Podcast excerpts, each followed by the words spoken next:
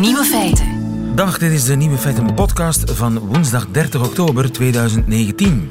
In het nieuws vandaag dat Facebook en Instagram de perzik en de aubergine verbannen.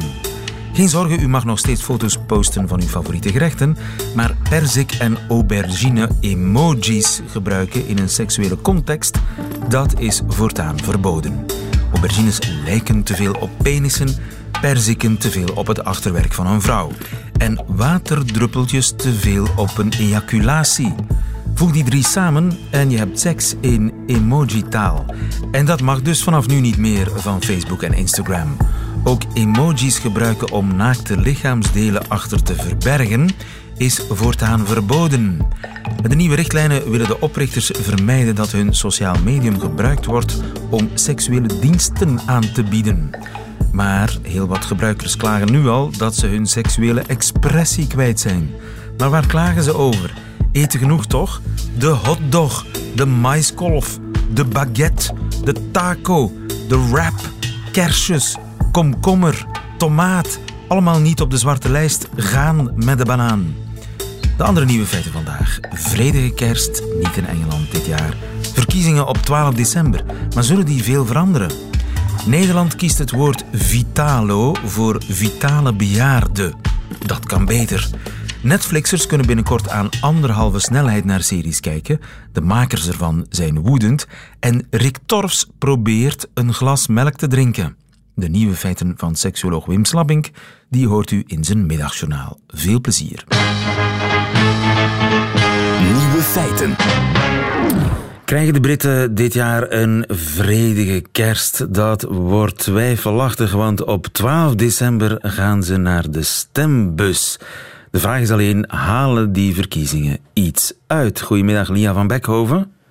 Goedemiddag, Lode, lieve. In uh, Londen voor ons, ja, voor de derde keer al in vier jaar tijd gaan de Britten stemmen. Deze keer uh, in een feeststemming, maar gaan die verkiezingen echt de Britten uit de Brexit-impasse halen, denk je? Nou, ik vraag het me af. Wat ik wel zeker weet is dat er weinig feeststemming zal zijn. Het idee dat je een paar weken voor de kerst uh, geacht wordt naar het stemlokaal te gaan. Meestal is het slecht weer hier. Ik hoor nu al Kamerleden klagen dat zij geen campagne gaan voeren in de regen en in de sneeuw. En zeker niet in Schotland, waar het om drie uur donker is. Enzovoort, enzovoort, enzovoort. Um, dus de, de, campagne wordt zeker niet feestelijk. Verkiezingen zelf waarschijnlijk ook niet. Uh, er is heel veel spanning hier over uh, Brexit en de, de polarisatie die dat heeft, met zich heeft meegebracht de afgelopen drie jaar. En bovendien, wat je zegt, gaan ze iets oplossen. Um, ik denk als uh, Boris Johnson of een andere partij, maar neem, neem voor het gemak de conservatieve regeringspartij, als die op 12 december met een, een nette meerderheid wint, dan hebben de verkiezingen alles opgelost. In ieder geval wat Brexit betreft. Want dan kan Boris Johnson met die meerderheid zijn vorm van Brexit door het lagerhuis krijgen. omdat hij nu met een minderheid regeert, lukt dat voortdurend niet. En dat is zijn grote frustratie. Dus als Johnson wint, uh, is de, de boel opgelost. Uh, maar de vraag is, gaat hij winnen? Dat is het probleem. Uh, het is een enorm risico dat hij loopt, Boris Johnson. Maar Peilingen hij zijn denkt goed, hè, voor dat. hem? Wat zeg je? Peilingen zijn goed, hè, voor hem? De peilingen zijn goed, absoluut. Um, uh, anders gezegd, zijn tegenhanger, partijleider van de Labour-partij, hè, de uh, oppositiepartij, uh, die is volgens de peilingen Jeremy Corbyn de minst populaire oppositieleider sinds ze begonnen dit soort dingen te meten. Uh, bovendien ligt de partij van Boris Johnson ook 10 tot 15 procent voor. Maar dat zegt niet alles. Dat zegt wel iets, maar dat zegt niet alles. Want het is erg moeilijk om te voorspellen in het Britse partijenstelsel hoe je dan zo'n voorsprong in de peilingen kunt vertalen op de kiesdistricten. Ja. En lang verhaal kort, van de 650 kiesdistricten zijn er eigenlijk een stuk of 80 die iets uitmaken en die de doorslag geven bij de uitkomst. En Boris Johnson kan heel makkelijk zijn voorsprong verliezen. En dat is inderdaad het probleem. Dat was het probleem van Theresa May uh, twee jaar geleden. Zij stond nog meer voor, ruim 20% in de peilingen. En tegen de tijd dat men naar de stembus ging, was haar voorsprong 2% en was de uitslag een minderheidsregering. Ja. En dat is natuurlijk ook de angst van veel conservatieven. Stel nu, die unlikely event, Labour wint toch, Corbyn wordt de nieuwe premier. Weten we al wat hij wil qua brexit? Nou, wat hij wil is een beter, ja, geloof het of niet, hij wil opnieuw gaan onderhandelen met Brussel. Hij wil er een beter akkoord uitkrijgen. En in Corbyn's termen betekent beter een Brexit-akkoord waarmee Groot-Brittannië dichter tegen de Europese Unie aanzit. En als dat er eenmaal door is, dan wil hij dat voorleggen in een tweede referendum aan de Britse kiezer. Dus dat kan eventueel ook iets oplossen. Dat kan, alles kan. Dat kan zeker wat oplossen. Uh, dat, dat gaat uh, inderdaad, dat zou, dat zou de mogelijkheid zijn. Kijk, ik denk als um, je nagaat wat de stemming op dit moment is. Als je kijkt naar de grootste groep stemmers en wat die wil. En de grootste groep stemmers zijn de don't knows als je in een peiling vraagt waarop je gaat stemmen, dan zegt zo'n 35% I don't know. Ik weet het niet. Dus de grootste groep kiezers is onbesloten. Als je ervan uitgaat, nogmaals, wat de verkiezingen de laatste keer hebben opgeleverd, dan denk je een minderheidsregering is de meest waarschijnlijke uitkomst. Het nadeel van Boris Johnson is dat hij daar niet kan regeren met een coalitie, want er is geen enkele andere partij waar hij een overeenkomst mee kan sluiten. Terwijl de Labour-partij wel in staat zou zijn als minderheidsregering een coalitie te vormen met bijvoorbeeld liberaal-democraten. Ja, en die zijn heel duidelijk, zij willen geen brexit.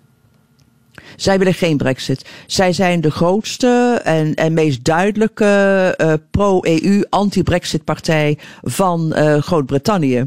Uh, en zij zou de beste, de sleutel in handen kunnen krijgen over als het aankomt op met wie zij een pact gaan sluiten. Mocht er inderdaad een minderheidsregering uitrollen. En zoals er nu voor staat, is het heel onwaarschijnlijk dat ze dat met de conservatieven zouden doen. Maar weet je niet wat ook zo interessant is? Dat het gaat niet alleen om brexit. Het gaat niet alleen om de sociale hervormingen die zowel de conservatieven en veel meer de Labour-partij zeggen te willen. De conservatieven zijn bereid om de miljarden um, uh, die ze de afgelopen negen jaar hebben teruggehouden in bezuinigingen, om die um, uh, te spenderen aan het hervormen van het sociale landschap van Groot-Brittannië. De Labour-partij wil daarin verder gaan. Maar afgezien daarvan, het gaat natuurlijk niet alleen om Brexit, maar ook om die andere zaken. Afgezien daarvan kunnen de komende zes weken bepalen of het Verenigd Koninkrijk als eenheid overeind kan blijven. He, het kan het startsein uh, geven voor um, verdere afsplitsing van Schotland bijvoorbeeld. Of verdere hereniging van Noord- en Zuid-Ierland bijvoorbeeld. Um, maar het kan ook betekenen, en daar ziet het ook naar uit, dat zowel de conservatieven als de Labour-partij, die twee grote partijen die sinds jaar en dag hè, de Britse politiek bepalen, dat die nog meer gaan inboeten aan stemmen. Omdat er steeds meer kleinere partijen komen die op den duur wel eens dat hele twee partijenstelsel op de helling kunnen gaan zetten. Ja, het zijn verkiezingen die alles kunnen veranderen. Precies, het zijn verkiezingen die alles kunnen veranderen, absoluut. Dankjewel, Lia van Beckhoven. Goedemiddag. Nieuwe feiten.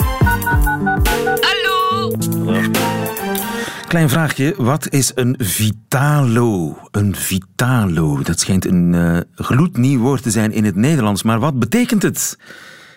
Een stuk speelgoed, vitalo, had gekund, maar is niet waar. Het is ook niks om op te eten of om mee te rijden. Ton den Boon, goedemiddag. Goedemiddag. Je bent hoofdredacteur bij eh, Van Dalen. Wat is een vitalo? Ja, vitalo dat is een nieuw woord voor een vitale oudere.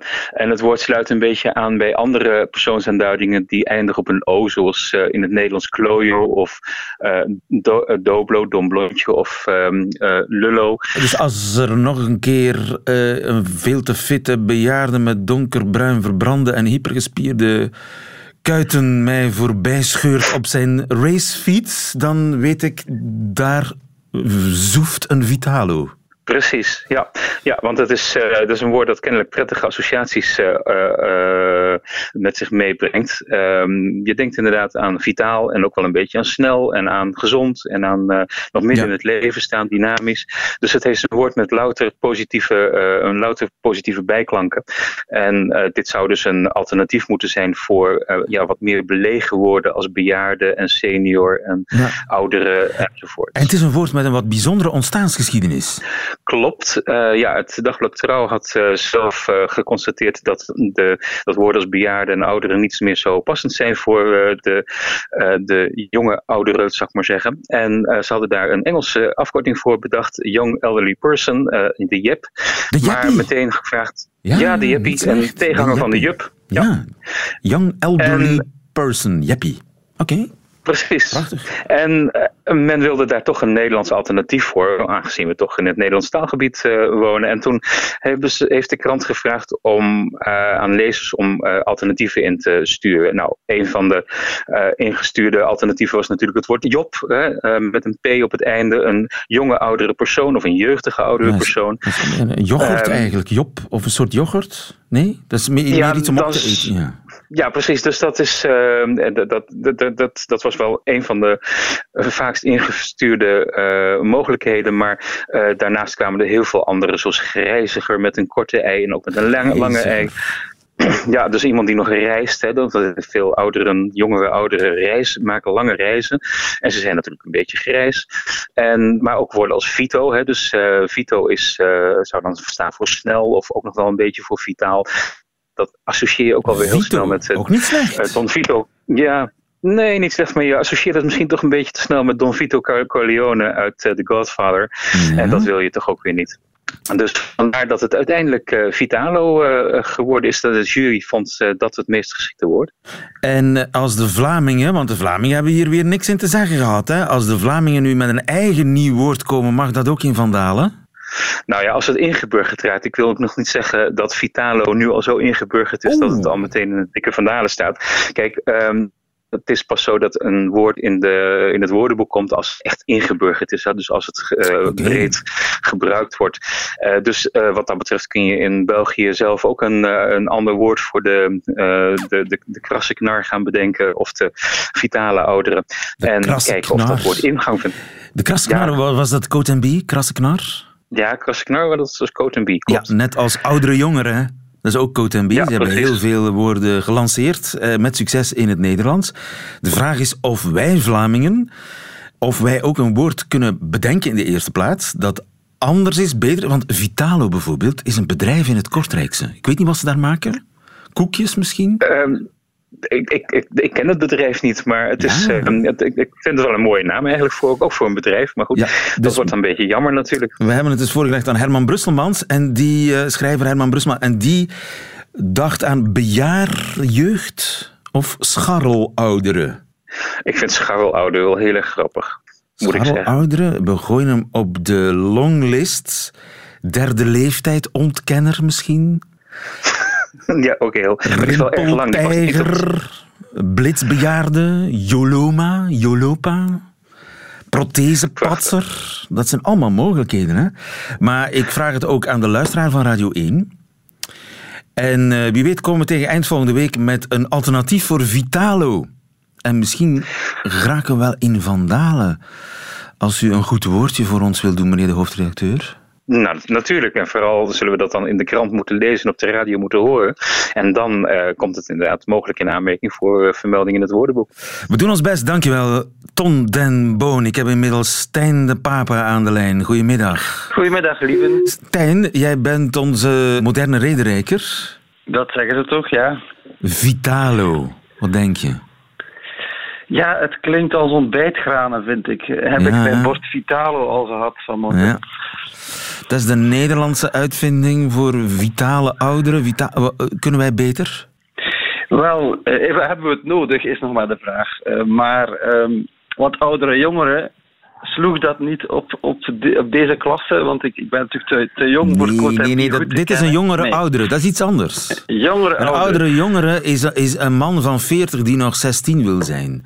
Dit is eh, een 80er of een 70er of een 55. eh, Officieel is het 55 plus. Ik vind die, Ja. die leeftijd een beetje vroeg gekozen. Maar dit is, Mhm. dit is de, de man met de varkenslederen kop en de donkerbruin verbrande kuiten die toch eh, 30 per uur op zijn racefiets haalt. Juist, die zijn het. Ik dacht zelf aan joutjes, eh, jonge oudjes. Dat klinkt schattig genoeg. En het Een is joutje? Een eh, joutje? Een joutje. Een joutje. Met een D. Met een D? joutje. We gooien hem Ja. op de lijst, de joutje. Ik dacht ook aan omies en opies. Omies en opies. En waar staat Ja. die I voor?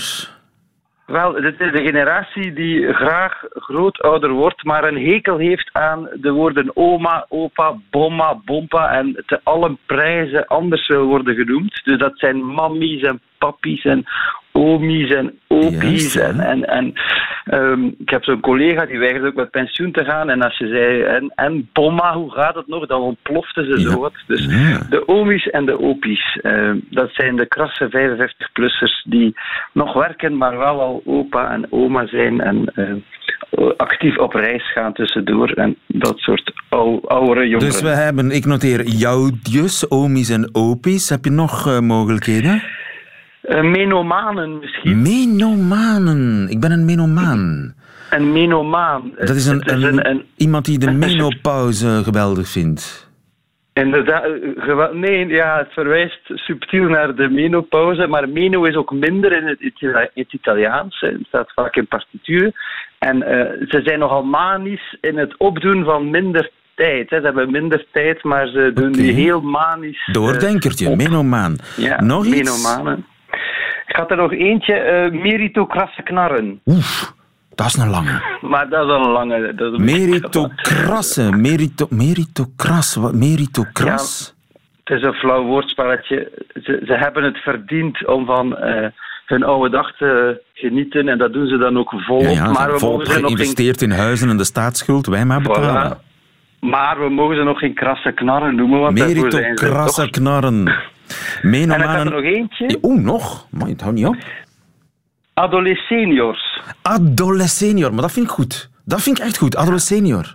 Ja, bijna senior, maar nog helemaal niet. En ook toch geen eh, veertigers meer, dus een adolescenior. Zo'n Benidorm bastard die eh, Voilà. veel te snel op zijn... eh, hoe heet dat, zo'n ding? Zo'n scooter? Zo'n- Scooter? Ja, zo'n scooter.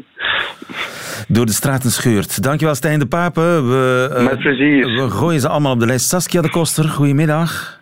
Goedemiddag.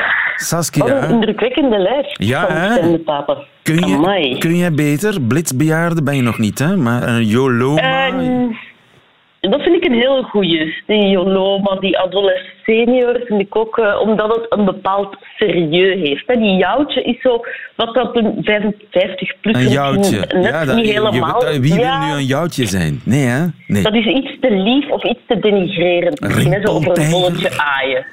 Dat vind ik wel sterk, ja. Ehm, maar dat is allemaal iets heel beeldend. En misschien moet het zo'n woord zijn dat een bepaalde serieus uitstraalt. Iets, Ja. ja. ja, ik was wel aan het denken, ehm ex-gepensioneerde, maar wat dan niet echt goed is, omdat ex wat negatief kan zijn, maar zo postgepensioneerde.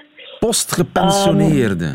ja, Hè, een postgepensioneerde. volgende fase. Juist, ja, ja, ja. Ehm, ook een beetje met etappes werken. Eh, Eerst heb je de fase van de werkzoekende, dan de werknemer en daarna de zelfwerker. Dus iemand die eh, zijn eigen keuzes maakt en heel actief is. De Dus een zelfwerker. 55 plus aan een zelfwerker. Een zelfwerker. Ehm, maar wat ik dan... Ja, zo afkortingen en zo, en dat, dat is eh, ook vaak gebruikt. Alleen we zijn het er denk ik over eens dat alles beter is dan Vitalo. Hè, maar Vlamingen kunnen dat uiteindelijk wel beter dan Nederland. Vlamingen kunnen dat beter dan Nederlanders, ik noteer het. Ja. Saskia de Koster. Wel, ja, een voorstel, ehm, een letterwoord, dynamisch, initiatiefnemend, nieuw en actief, dan krijg je DINA. Dina. Tegenover Dina, tegenover Dino, hè, oude Dino, eh, oude, afgeleefde, eh, bijna uitgestorven soort, met een leren huid, dus de Dina. En omdat dat ook iets heeft in het kader van de diversiteit en Ja, zo, ja, ehm, ja. Kijk, Een- geen- kijk die Dina op zijn motto. een- Voilà, op zijn pedelijk. Hè. Een diva, een Dina. Juist, ja. Godverdomme, dat is niet slecht, Saskia Ja, de Koster. kijk, Dina. Nu weten we weer waarom je schrijfster bent, Saskia. Oh, yes, dank u. Weet ik het zelf misschien weer. Dankjewel, dag Saskia. Graag gedaan, dag. Bas Birker. Dag, mijn favoriete Vitalo. Ik ben nog geen 55. Gadver. Ik ben nog geen 55 plus. Ik ben een hardnekkige 50 ontkenner, dat wel. 50 Ah, ontkenner, dat is mooi. 60 ontkenner had misschien ook gekund. Maar ja, dan zitten we weer vast aan die leeftijd. Want het gaat vanaf 55 eh, tot ja, 80 en ouder. Blitzbejaarde, prothese, patser, Joloma. Dina vond ik een hele goede. Rimpeltijger, herfstbloeier. Staat ook al op de lijst. Het wordt eh, moeilijker en moeilijker, hè Bas? Ja, maar ik zou toch willen suggereren om het woord te vervangen door semioren. Semioren met een M van.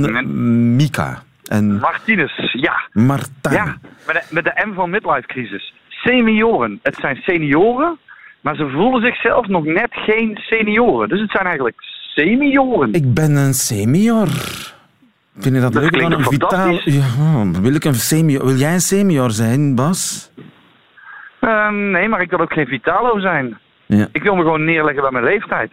En daarom had ik misschien nog een andere betere suggestie. Ja. De pitty. De pitty. Een pitty. Een pitty. Een pitty. Een pittige pitty.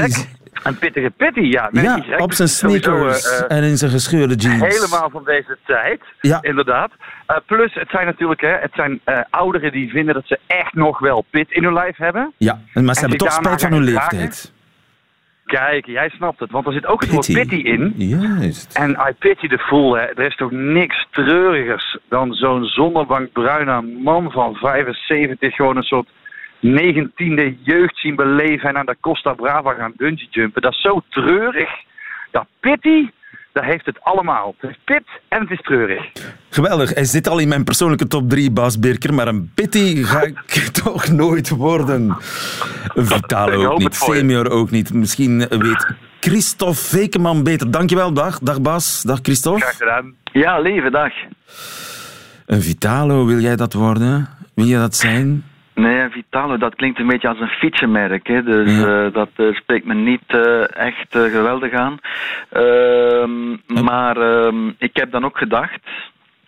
mijn eerste idee was eigenlijk voor mannen een Jagger. Een Jagger. Hé, hey, dat is Ja. goed. Ja, nou Mick Jagger, weet je wel, die is De eh, van opper, eh, 46, knar. dus dat is toch, ja, Ja. dat is een heel, de, de, ja, de kraste knar van allemaal, toch denk ik, van die 70-plussers. En voor vrouwen zouden we dan Dolly kunnen nemen, de Dolly. Jagger en Dolly. Ja, Zo, heb eh, Ehm, Johnny en Marina, Jagger en Dolly? dus ja, Ik zie ze zo voor mij over de dan, dijk eh, wandelen die en is- ja, knokken. Echt waar? Ça. Ehm, dus ik vond dat ook redelijk, hoe moet ik zeggen, ja, ja toch wel sexy eigenlijk. eh, in ieder geval vitalistisch genoeg eh, klinken. Ja. Ehm, ik heb ook nog, omdat eh, de sterkte soms in de eenvoud zit, het woord doordoener. Een doordoener. Hey, Ja. niet slecht. Een doordoener. Ja, vind het, ja ik, vind, ik vind het zelf eigenlijk ook niet slecht, ehm, omdat het de lading op een voldoende brede manier eh, dekt. En tegelijkertijd klinkt daar op de achtergrond toch ook een klein beetje het woord dooddoener eh, eh, in mee. nog niet eens Je kan je gehoord. wel- Ja. Ja. je kan je wel afvragen of al die activiteiten of hogere leeftijd inderdaad wel zo gezond zijn als algemeen wordt aangenomen vandaag de dag. Maar goed, dat is een persoonlijke resonantie die ik daar hoor. Zeer goed. Perfect. Doordoener, Jagger, Dolly. De lijst wordt alsmaar eh, spectaculairder en indrukwekkender. Alles, maar niet Vitalo. Dankjewel, Christophe Vekeman. Yo. Nieuwe feiten. Nieuwe feiten zijn soms oude feiten voor een ander. Want wat oude feiten zijn voor de ene, zijn nieuwe feiten voor de andere. Het bijzonder zit soms in het banale. En daarom sturen we Koen Filet elke week op pad als reporter om aan te kloppen bij een interessante Vlaming die iets heel banaals nog nooit gedaan heeft. Hij is aangekomen bij Rick Torfs.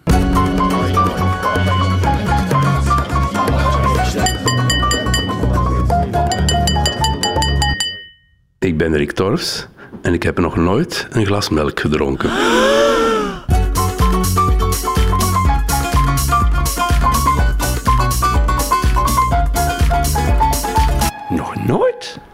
toch niet uh, bij bewustzijn.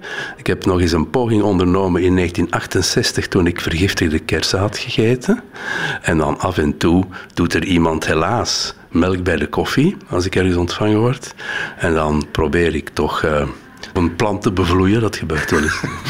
Dat zou eventueel een medische oorzaak kunnen hebben. Hè? Lactose-intolerantie is een woord dat mij door het hoofd uh, Het is een woord waarvan ik uh, de schoonheid niet aanvecht, maar ik denk dat we niet alles moeten medicaliseren. Ik denk dat het gewoon de wansmaak is van een wat oudere man. Hoe zou u de smaak van melk, zoals u die zich herinnert, omschrijven? Zoeterig.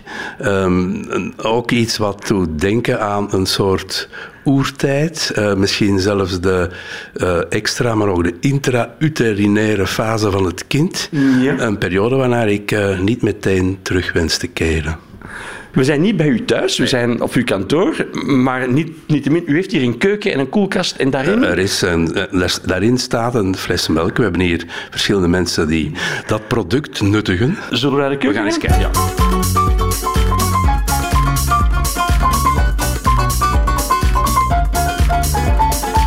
Slagroom. Slagroom, dit is dus melk. Voilà, melk.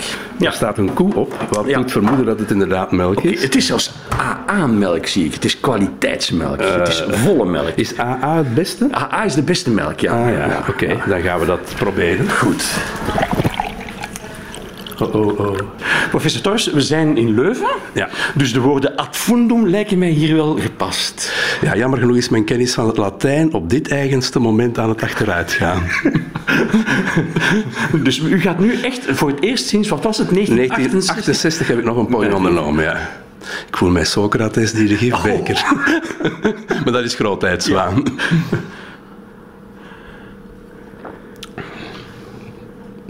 Ja. ja. Oh, wat is het jammer dat de luisteraar uw gezicht niet ziet. Wel, het is een mooie dag, laten we die niet bederven. het is niet van harte, hè? Wel, ik moet zeggen, het valt mij niet mee, maar het is wel zo dat ik zonder bovenmenselijke inspanningen te moeten leveren nog een slok is kan drinken. Ja, dat lukt wel. Het zijn wel piepkleine, voorzichtige slokjes. Ja, maar het product, en ik heb misschien ja, te lang. Zo gaat dat. De rempelvrees gaat. Maar het is te doen wanneer het verplichtend wordt gesteld. Ja. Ik raad het toch iedereen af. Er zijn betere dranken. ik vind dat u dat glas, dat zou toch moeten leeg geraken. Oh, dit gaat lang duren. Ja. nipje per nipje. Uh, ja, ik kan mij haast niet inbeelden dat er mensen zijn die dat uh, zo gretig, in, met volle teugen... Hè? Professor, uh, tot hiertoe is het, om het op 20 uit te drukken, nou ja, nog geen 10, hè? Maar meer 9 kunt je gedelibereerd worden. Ja, wat is het toch slecht. Ik denk, als u er nu nog één slokje van neemt, dan krijgt u een 10. Ja, voilà.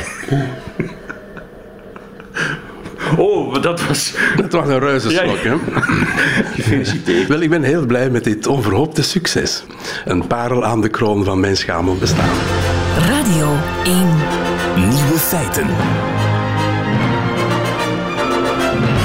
Een volledige aflevering van uw favoriete Netflix-serie bekijken op een kwartiertje.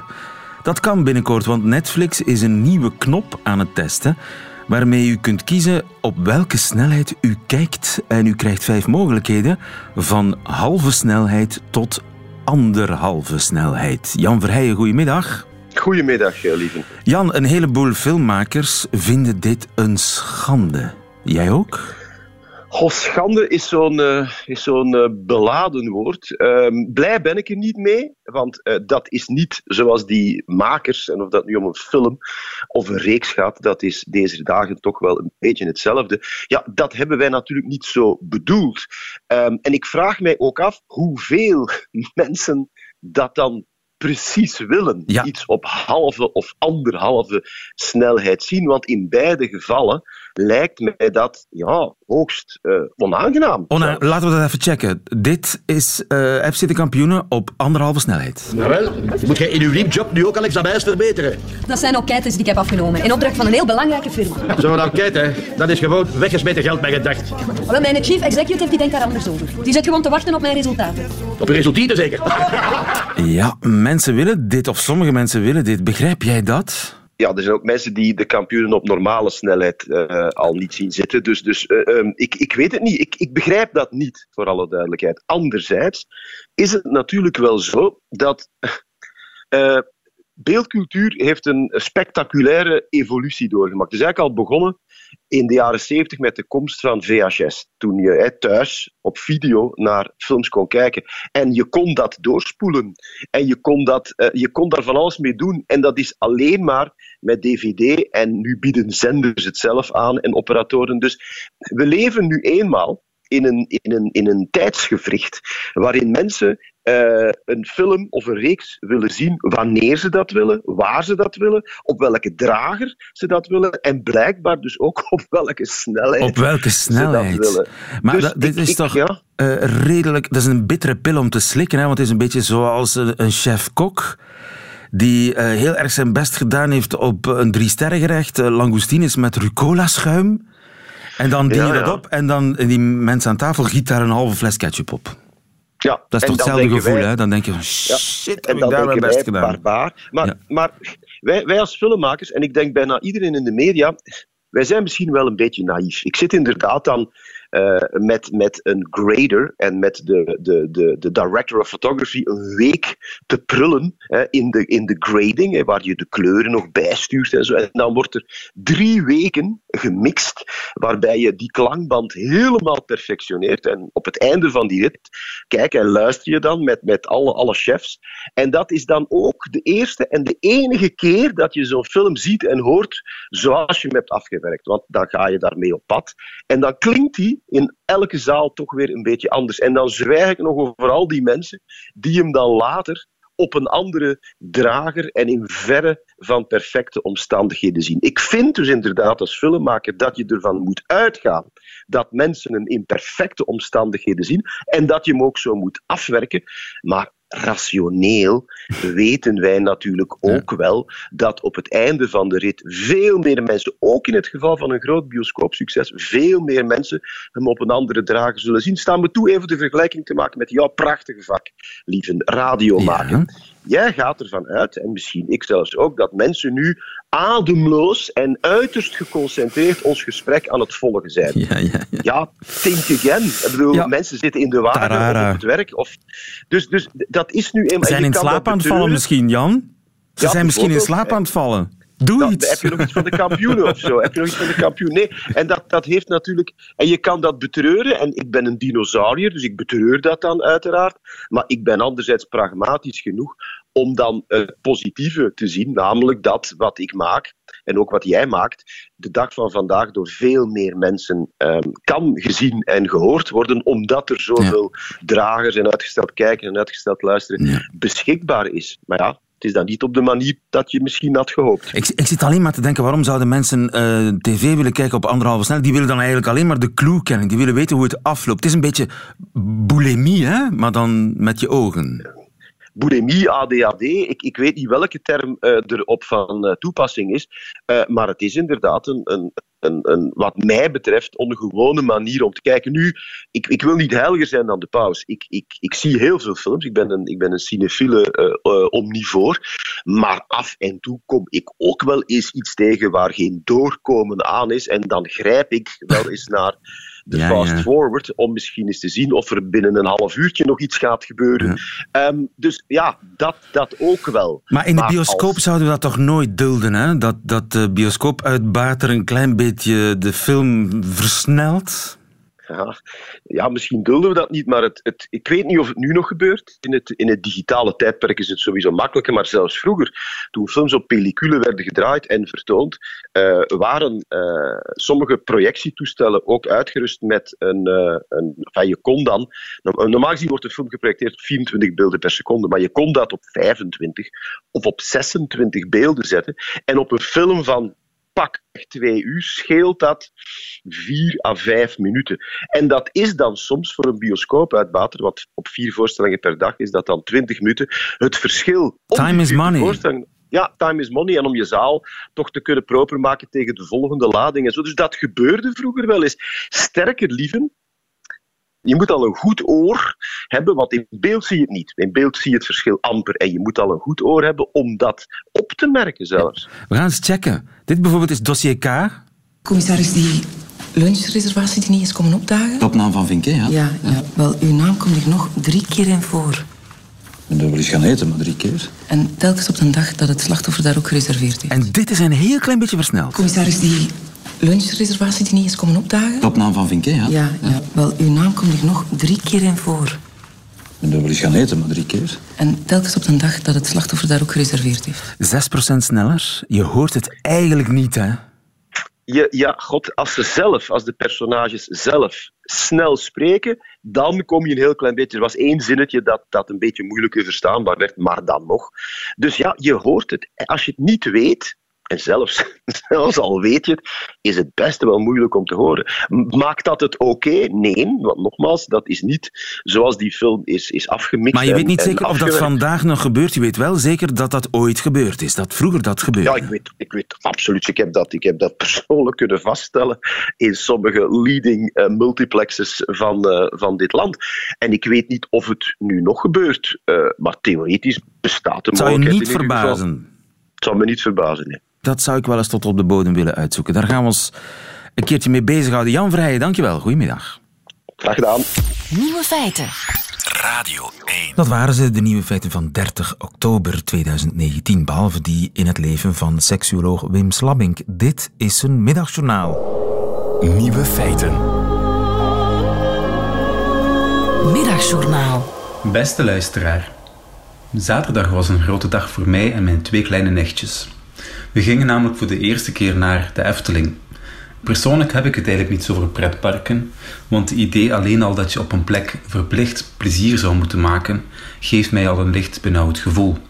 Maar toen ik kwam aanrijden, dan wist ik het wel. Dit wordt absoluut een topdag. Want daar stonden ze dan, met terugzakjes en laarsjes, ongedurig op hun onkel op de stoep te wachten. Het weer daarentegen, dat zat helemaal tegen. Het plensde op en aan, maar het grote voordeel was dat alle attracties wachtrijvrij waren. En dus zeulden mijn nichtjes me mee op alle achtbanen en attracties. Soms gingen we drie keer op dezelfde roesbaan, gewoon omdat dat kon. En niet één keer hoorde ik ze klagen over de kou of het weer. En wat was dat voor Team Slabbink, zoals we ons verbond doopten, een echte topdag. Maar wat mij verwonderde is dat zij op deze leeftijd van 9 en 11 grote zorgen maken waar ik, toen ik hun leeftijd had, nog nooit had over nagedacht. Toen ik 11 was, speelde ik met mijn vriendjes de Tour de France na. Wij maakten ritten, criteriums, klassementjes op, in de hoop allen die gele trui te veroveren. En mijn grootste zorg in die tijd was dan ook hoe ik dat ooit zou kunnen doen. Want ook bij ons was er een lokale Remco die met alle prijzen ging lopen. Tijdens de terugrit naar huis vertelde de oudste van de twee niets over zelfgemaakte toerritten. Zij had het met een heel grote serieus over het klimaat. Dat we onze planeet in het snel tempo leegroven en dat de oudere mensen daarvoor verantwoordelijk zijn. En dat ze niet begrijpen waarom oudere mensen zo op de rem staan als het gaat over het klimaat. Dat doet me denken aan die keer dat ik tijdens mijn middelbare school dezelfde discussie voerde met een leerkracht, die grif toegaf dat zij verantwoordelijk zijn voor de klimaatopwarming. Zijn hoop, zo vertelde hij me, lag bij ons, de jeugd, om dingen te veranderen. Want het is nu aan mijn generatie en ook ik ben teleurgesteld in mezelf. Maar ook ik zie net als mijn leerkracht veel hoop. Ik zie het in de ogen van mijn nichtjes. En het is die hoop die die dag een mooie glimlach op mijn lippen toverde. Maar wat hoop ik, beste luisteraar, dat zij ook hun eigen kleine dromen kunnen nastreven. Dat ze niet alleen in de realiteit leven van een planeet die kreunt en puft onder de druk die we op haar leggen, maar ook dromen om ooit, ooit, kreunend, puffend, hijgend in de gele trui door Frankrijk te kunnen rijden.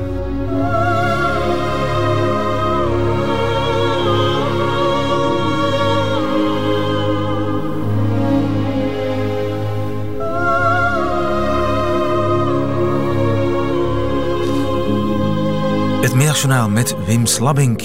Einde van deze podcast. Hoort u liever de volledige uitzending van Nieuwe Feiten van vandaag? Dan kan u terecht op de website van Radio 1 of op onze app. En daar vindt u alle mogelijke andere nog heel fijne podcasts. Veel plezier daarmee. Tot de volgende keer.